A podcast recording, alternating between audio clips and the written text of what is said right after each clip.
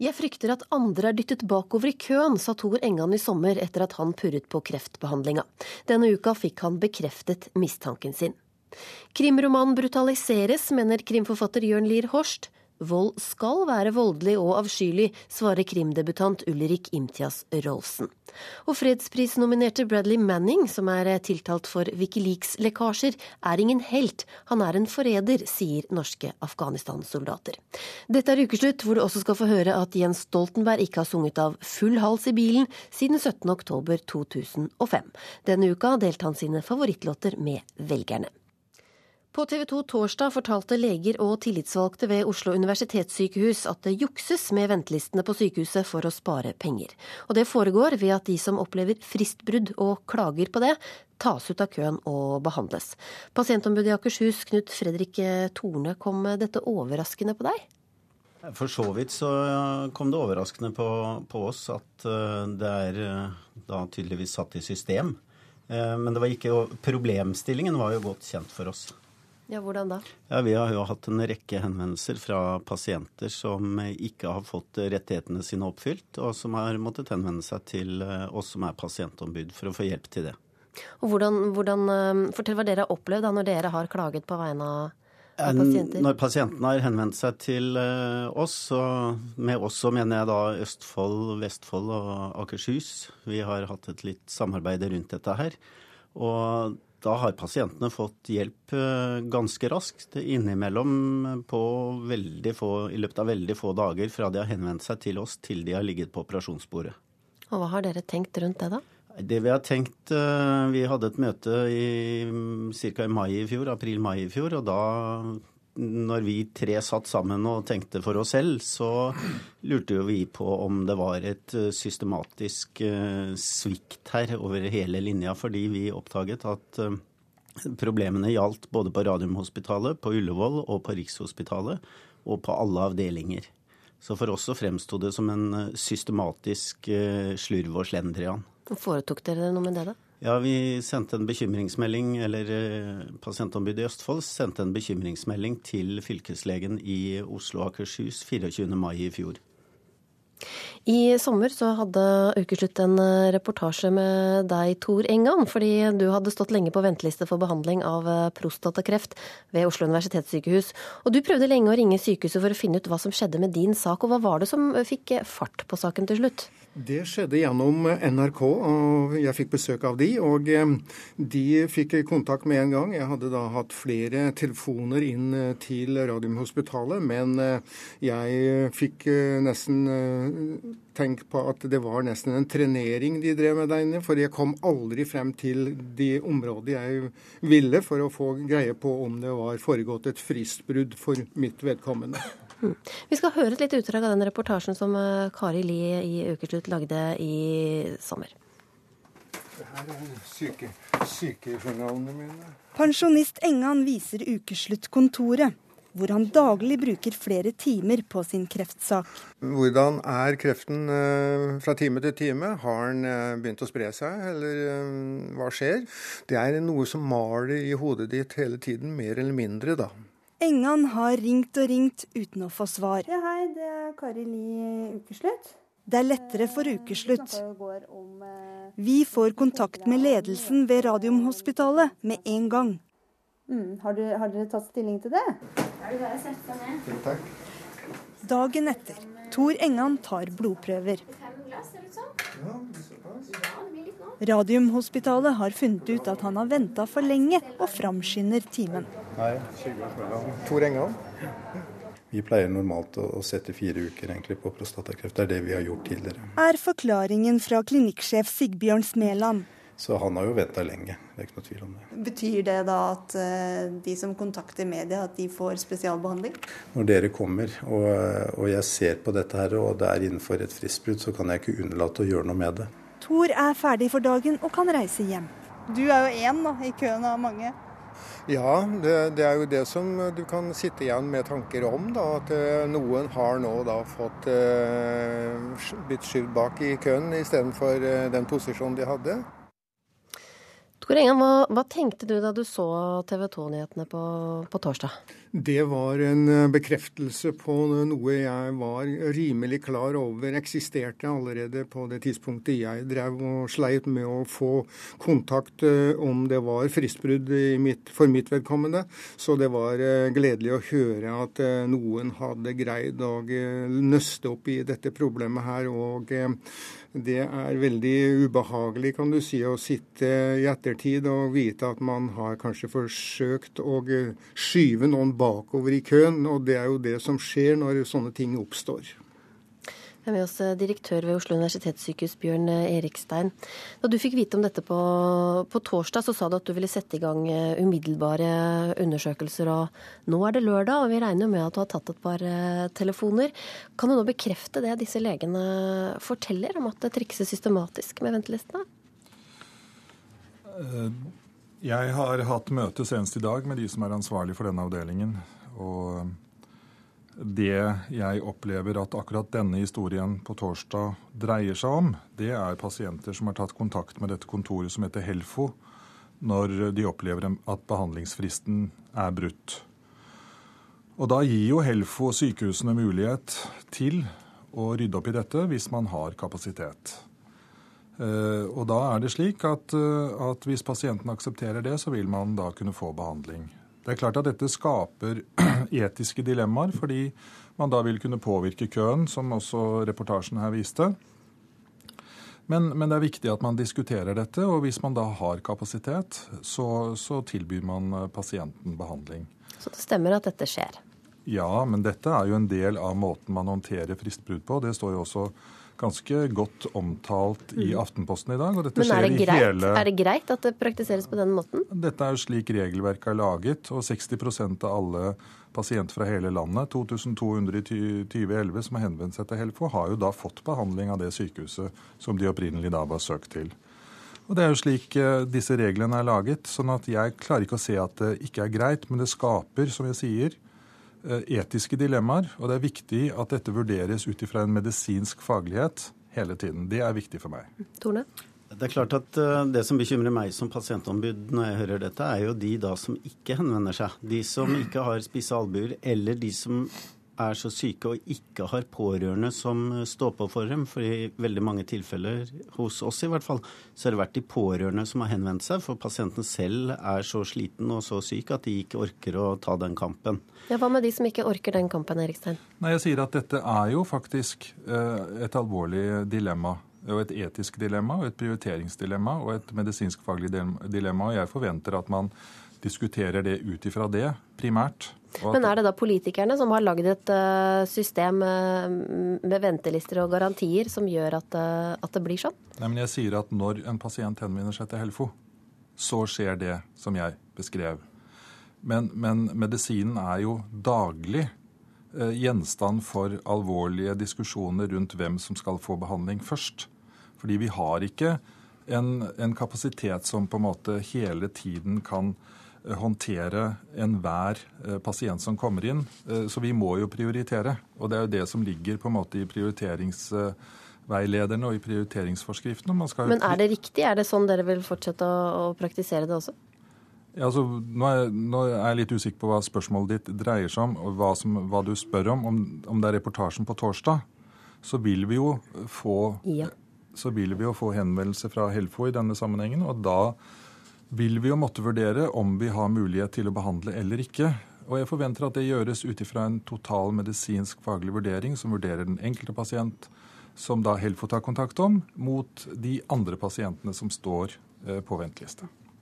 Jeg forventer at det tas en eh, skikkelig opprydning og gjennomgang av dette. For det, vi som pasient- og brukerombud har opplevd, er jo at eh, pasienter blir henvist til sykehuset Eh, da skal eh, henvisningen besvares innen 30 virkedager. Det skjer at det ikke kommer. Og i tillegg så skjer det det at pasientene får beskjed om at de er rettighetspasienter, men det settes ikke noe medisinsk eh, frist for når behandling senest kan finne sted. Og i tillegg så har jo vi hatt saker hvor pasienter har hatt fått konstatert prostatakreft, en hissig form for prostatakreft kreft med stor spredningsfare. og Allikevel så har pasientene gått i to måneder og selv forsøkt. Og så kommer de til oss, og så går det to dager, og så er de på operasjonsbordet.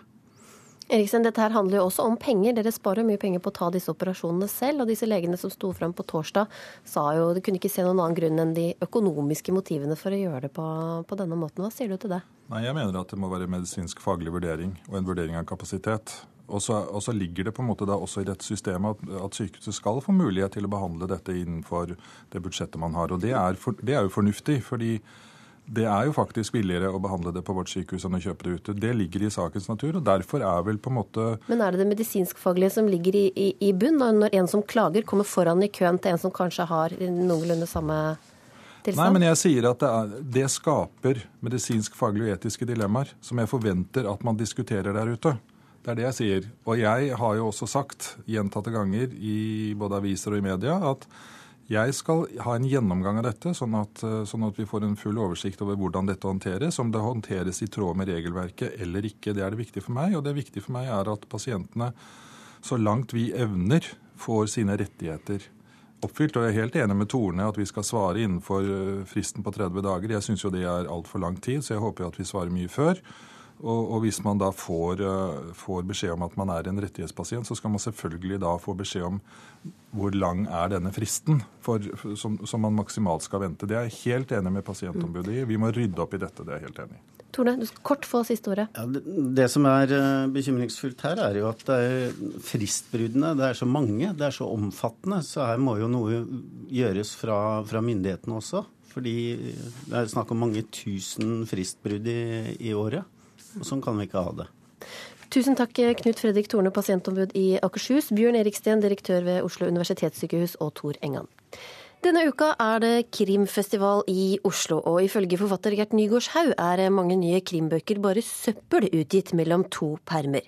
Han mener de preges av bestialske skildringer som bukspretting, avhogde lemmer og avflekking av hud. La oss høre litt på krim før og nå.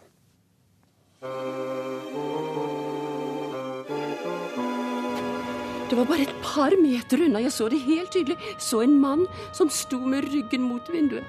Han holdt hendene sine rundt halsen på en kvinne, og langsomt og ubarmhjertig kvalte han henne. Hm. Nålene spratt ut av endene på spilene. De var sju centimeter lange.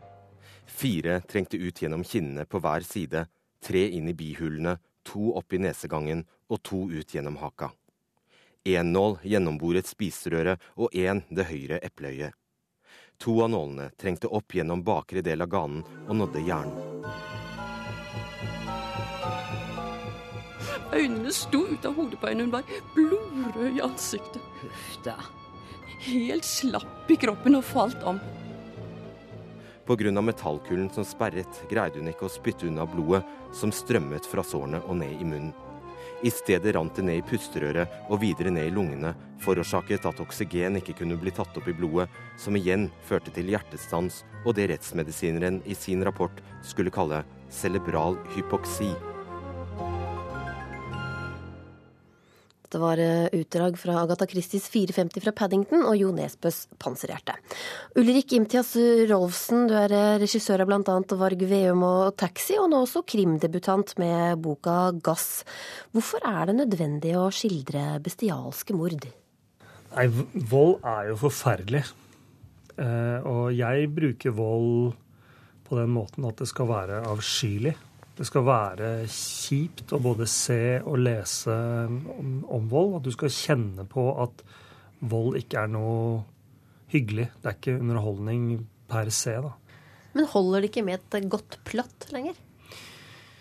Eh, jo, et godt plott eh, holder, tror jeg. Eh, men hva er et godt plott? Og det blir litt sånn eh, ja, Det blir litt sånn gammelmodig å kritisere de unge for å være litt eh, litt for sprø. Liksom det, det, det, det, minner om mye som man hører i all mulig kunstbransje, liksom, hvor de som blir eldre, som var radikale, begynner å, å kritisere de unge for å være enda mer radikale. Det blir litt Uh, Jørn Lier du har jo selv uh, bakgrunn som uh, politimann. Er egentlig disse bestialske beskrivelsene så langt fra virkeligheten? Nei, det er de strengt tatt ikke. Men jeg, jeg, tenker at det er unødvendig da, i, en, i ja, ja, unødvendig, unødvendig, men, men, det blir ofte staffasje.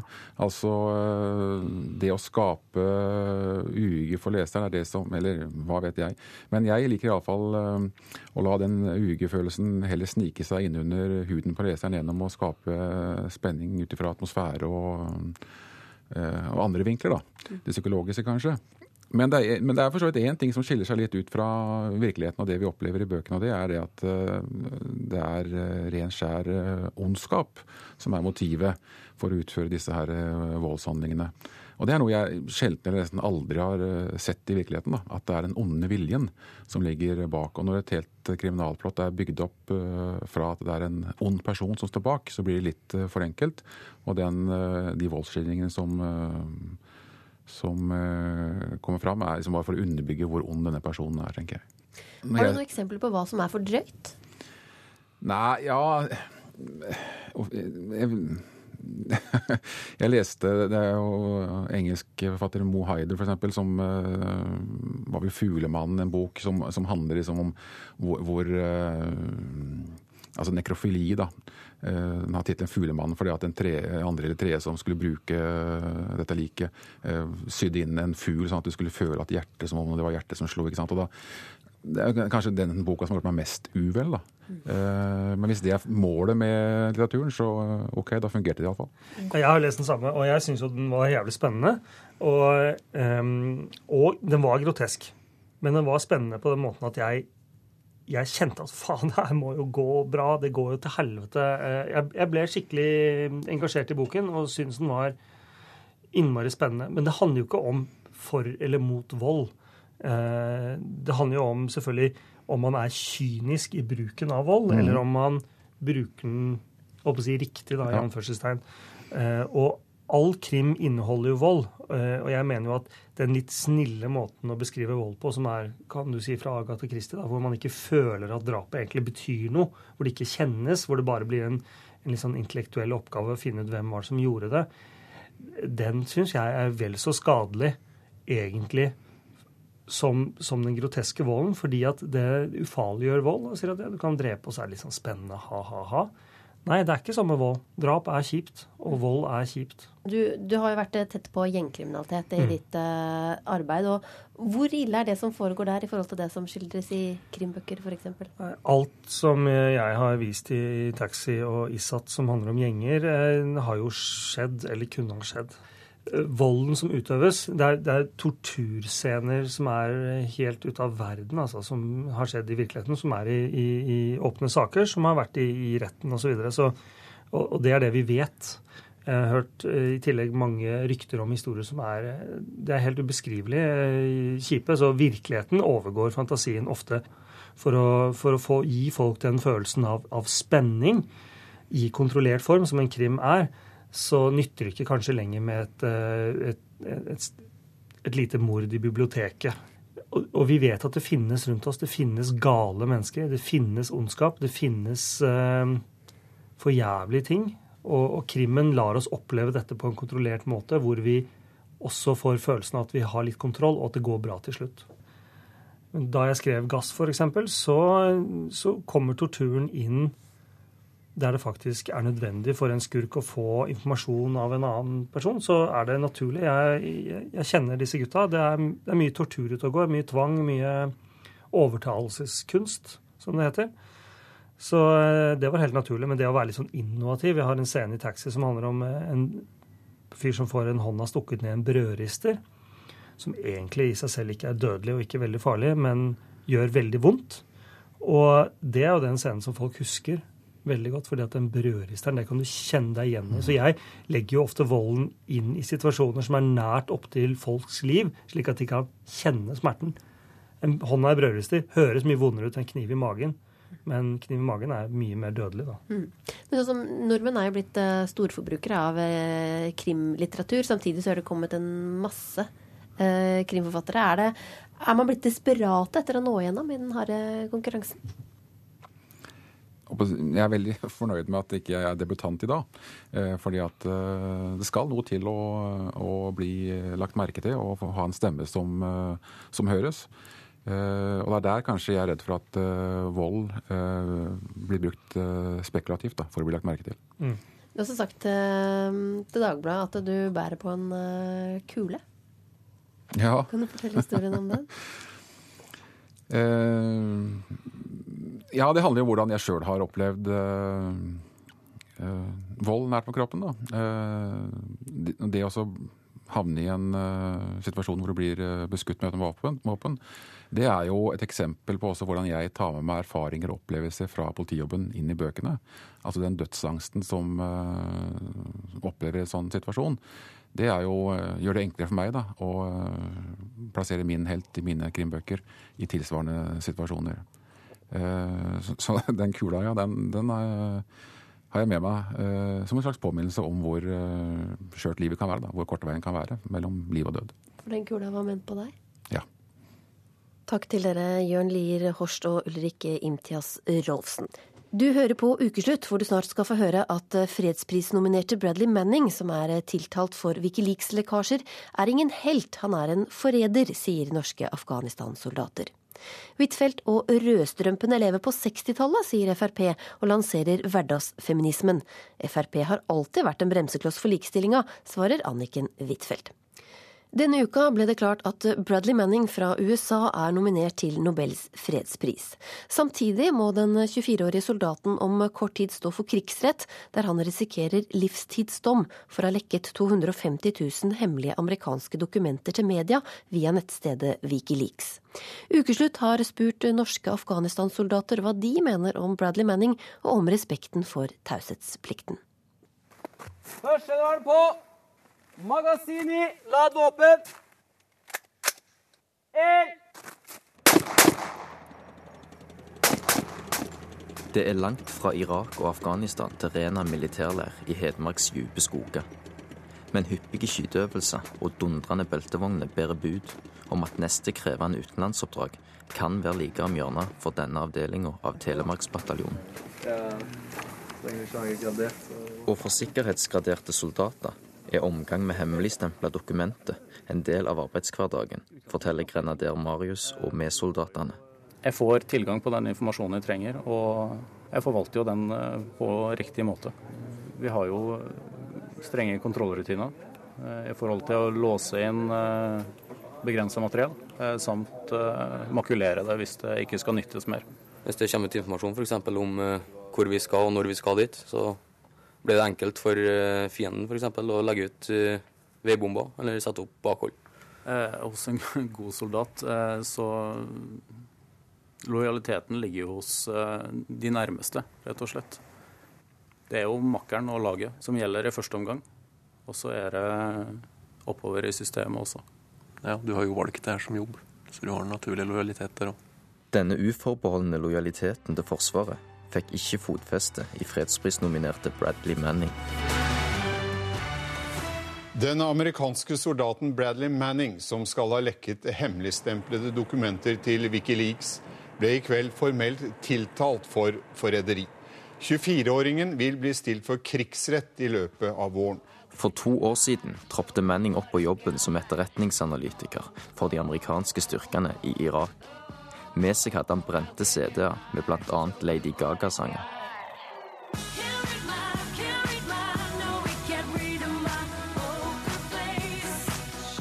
Men i stedet for å bare lytte til musikken, skal han angivelig ha beholdt pokerfjeset, sletta sangene og fylt CD-ene med topp hemmelige dokumenter fra det amerikanske forsvaret.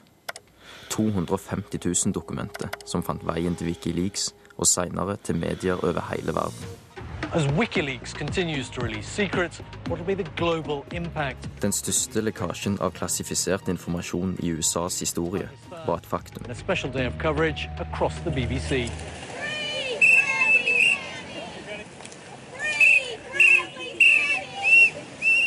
Bradley Manning har mektige fiender, men han har òg sine støttespillere. If he is indeed the source of this material, he is uh, uh, a true hero and. Manning er en helt om han står bak lekkasjen, sier Kristin Rabensson, som er talsperson for Wikileaks. Ifølge Rabensson har Wikileaks gått ut og støtta Manning både moralsk og økonomisk. Men av hensyn til den pågående rettssaken må varslernettstedet trå varsomt når det gjelder hjelp.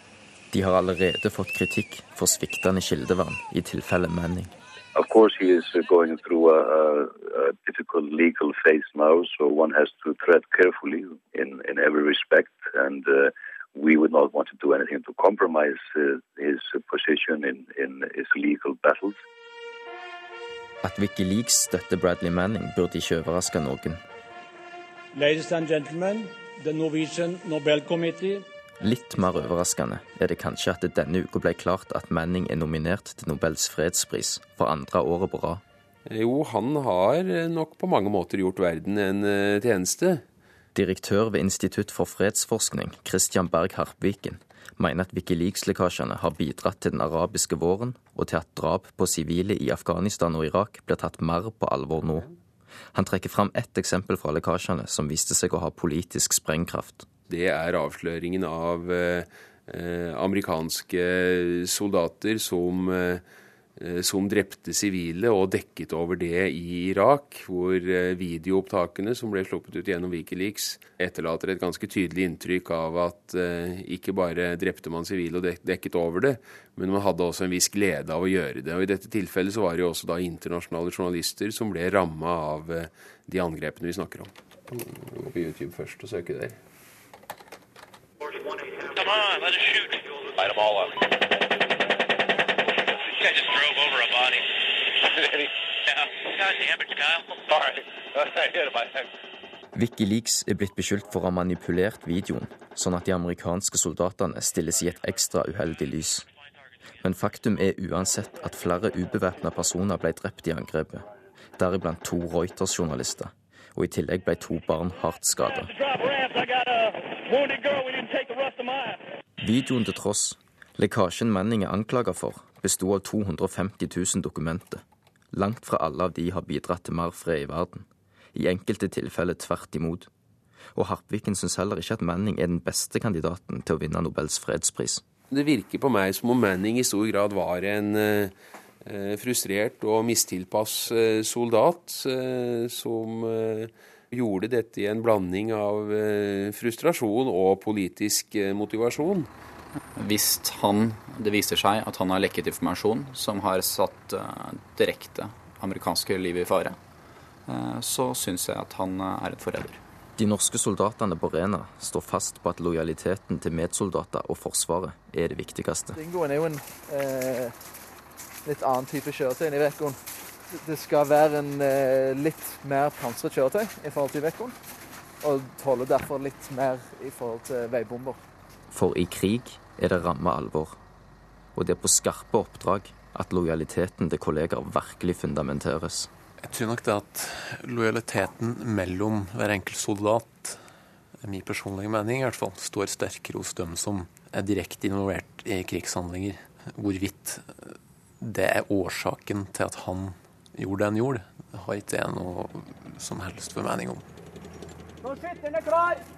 To magasin mot oppdukkende.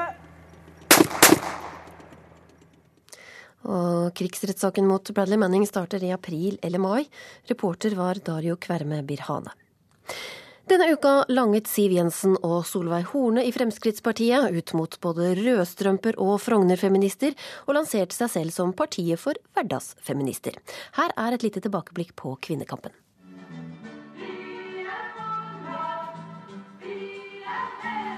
Hvorfor deltar du i denne demonstrasjonen?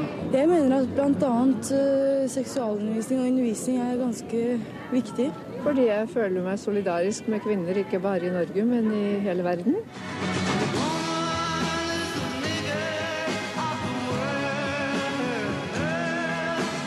Det gikk opp for meg med pinlig klarhet hvor bastet og bundet til en bestemt livsform kvinnene som helhet ennå i virkeligheten var.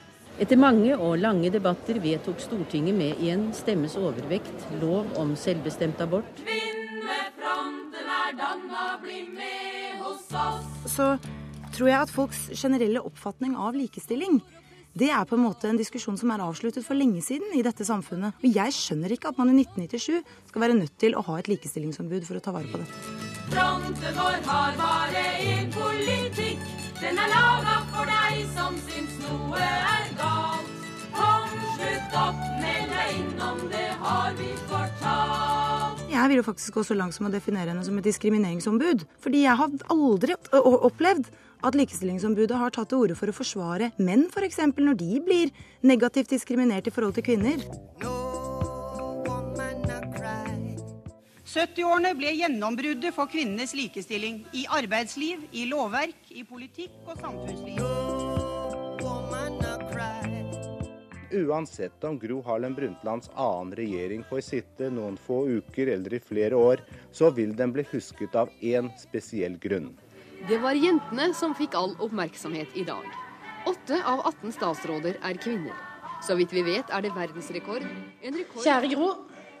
Du har forandra livene våre. Det er på tide at du som er kvinnekampens fremste pioner, tildeles samme plass i arbeiderbevegelsens historie som Klassekampens pionerer, som Gerhardsen og Tranmæl.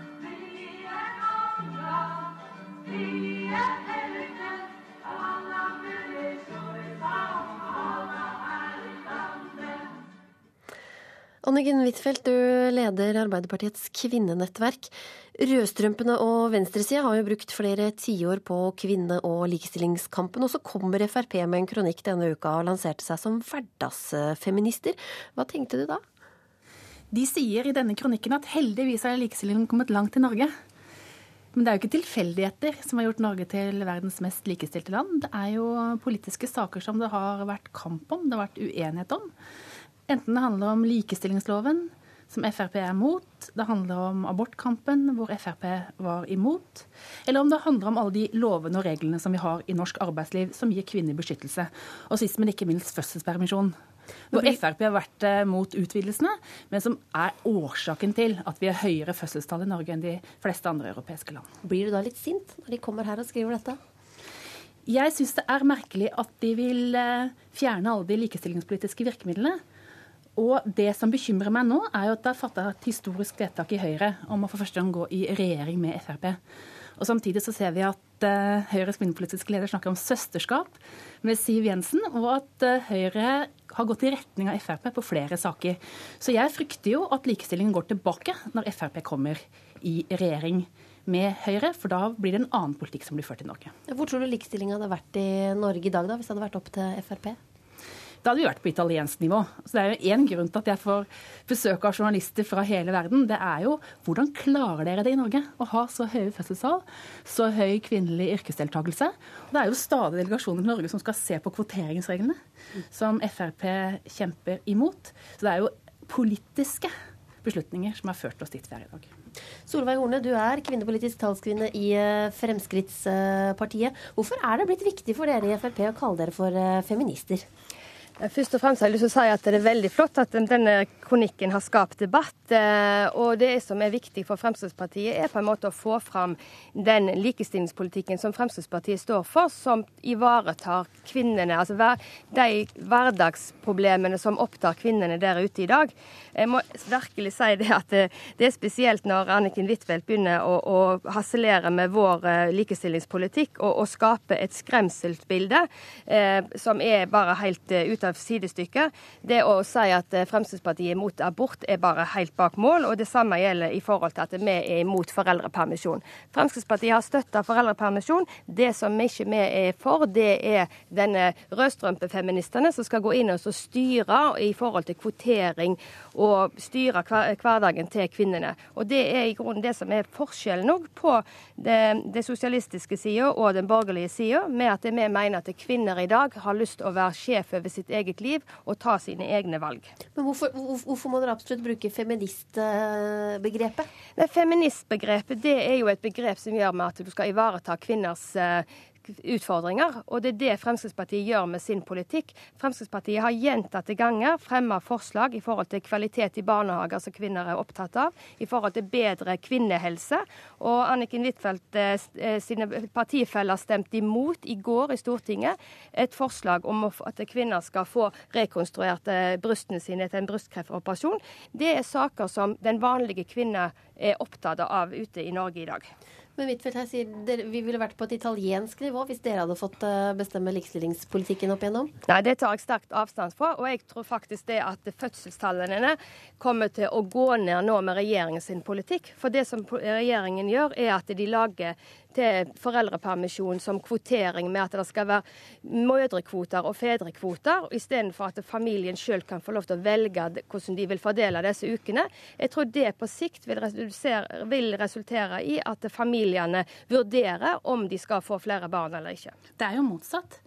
For de som deler foreldrepermisjonen, får gjennomsnittlig flere barn enn der hvor mor tar hele kvota. For i likestilte par så er det altså mindre skilsmisser og flere barn. Så likestillingspolitikk eh, det er bedre både for kvinner og menn. Så jeg sier ikke at Frp vil fjerne abortloven nå, eller fjerne fødselspermisjon, men når de historiske kampene har stått, så har dere vært uenige. Men én ting skal Frp ha, og det er barnehageforliket. For den gangen Erna Solberg sa at eh, det var gammelstalinistisk å innføre makspris i barnehagene, eller det de nå mener, at de vil fjerne maksprisen i barnehagene. Der har Frp forandra kvinners liv. Så da har vi fått en langt bedre familiepolitikk, på tross av Høyre. Så på dette ene området får jeg sette mitt lit til eh, Frp hvis det eventuelt blir et regjeringssamarbeid. Ja. Jo, men det, det, er jo veldig flott at, at Huitfeldt kan ta og gi litt skryt til Fremskrittspartiet òg. Eh, men jeg føler i mange tilfeller så lever det på en måte Huitfeldt på 60-tallet. Det som er viktig, er på en måte å leve i, på, i 2012 og se de utfordringene som kvinner har. Men Horne, På FrPs eh, hjemmesider så har dere en oversikt over eh, politikken deres, og der finner vi overskrifter som eldrepolitikk, politikk for unge, politikk for enslige, men ikke en egen plan for eh, likestillingspolitikk eller, eller feminisme. Hvorfor ikke det? Nei, Vi mener det at hele vår politikk er en likestillingspolitikk, og som er kjennetegnet for at ivareta de, de, problemstillingene som vanlige kvinner er opptatt av. Og Det viser har jeg vært inne på i forhold til kvinnehelse, i forhold til trygghet for kvinner, i forhold til ufrivillig deltid. Eh, og da det, trenger ikke vi ha noen egen likestillings... altså Si det i, i, ord på den måten som kanskje de andre partiene har. Men det kvinner skal være fullt klar over, det er at Fremskrittspartiet jobber like mye for disse kvinnene og for likestilling som de andre partiene. Det er feil som Frp sier, at heldigvis har likestillingen kommet langt i Norge. Det er ikke heldigvis, det er pga. politiske valg som Frp har kjempa imot hvert eneste korsvei. Jo, men det er det som jeg føler at eller Fremskrittspartiet mener at det er disse rødstrømpefeministene hele veien snakker om styring, reguleringer og kvotering når de snakker om likestillingspolitikk. Og det er det Fremskrittspartiet ønsker å få endra denne her debatten over til i 2012 til vanlige kvinners eh, eh vanlige problemer, som er nødt til å ta på alvor. Og nå la jo Likestillingsombudet ha fått noen tall i forhold til etter valg, kommunevalget 2009 nå. Eh, nei, 2011, når det da har vært eh, kvotering i eh, inn i politikken i over ti år. Det er ikke flere kvinner uh, i politikken, og kvinneandelen har gått ned, var de tall som vi fikk beskjed om på tirsdag. Vi er nødt til til å avslutte, men helt til slutt, Anniken Huitfeldt, hvorfor, hvorfor kan ikke Frp også få lov til å være feminister? De må være, gjerne være feminister, men de må godta at i de aller fleste korsveier vi har stått ved de siste 40 årene, så har Frp stemt mot likestillingstiltakene. Ja, er de gode feminister? Man kan legge hva man vil i begrepet feminisme. Men uh, søstersolidaritet og borgerlig feminisme det handler om at Frp og Høyre nå vil finne sammen. Takk til Anniken Huitfeldt og Solveig Horne. Og vi skal innom Venstres landsstyremøte, der Trine Skei Grande akkurat har holdt tale til landsstyremøtet. Og reporter Sigrid Sollund, hva sa hun om et eventuelt samarbeid med Fremskrittspartiet? Det som var eh, sikkert ganske overraskende for mange, var at Trine Skei Grande gikk langt i å sette foten ned for et eh, eventuelt regjeringssamarbeid med Fremskrittspartiet. Hun eh, sier at det er uaktuelt med mindre de legger bort all politikken sin på veldig viktige områder, som jo selvfølgelig er veldig lite sannsynlig at de kommer til å gjøre. Derimot sier hun at de åpner for et, nei, for et samarbeid i Stortinget, og dermed legger hun bort garantien fra forgjengeren Lars Bonheim, som sa at Venstre Venstre ikke under noen omstendighet kom til å støtte en regjering som Fremskrittspartiet er en del av. Men det er jo flere i eh, Venstre som har tatt til orde for et samarbeid med, med Frp. og Hvordan reagerer de på det Skei Grande har sagt? Ja, de tolker jo det positivt at, eh, at, hun legger bort den eh, garantien fra forgjengeren. De vil ha fokus på politikken. Eh, og hun, hun sa jo det at når, hvis det blir en borgerlig valgseier, så må alle partiene sette seg ned og samarbeide og se hva slags løsninger de kan komme fram til. Men at Fremskrittspartiet ikke er noe egnet regjeringspartner for Venstre. Og at de ønsker et regjeringssamarbeid med Høyre og Kristelig Folkeparti som de hadde før i tida. Tusen takk. Men det er klart at ja. du kan få fullføre. Nei, eh, de har lært bittert fra den forrige gang, så, så de ønsker ikke å, å, måtte bruke masse tid fram mot valget neste år til å snakke om Fremskrittspartiet i stedet for å snakke om eh, politikken, som er det de selvfølgelig ønsker å konsentrere seg om. Tusen takk, reporter Sigrid Solund.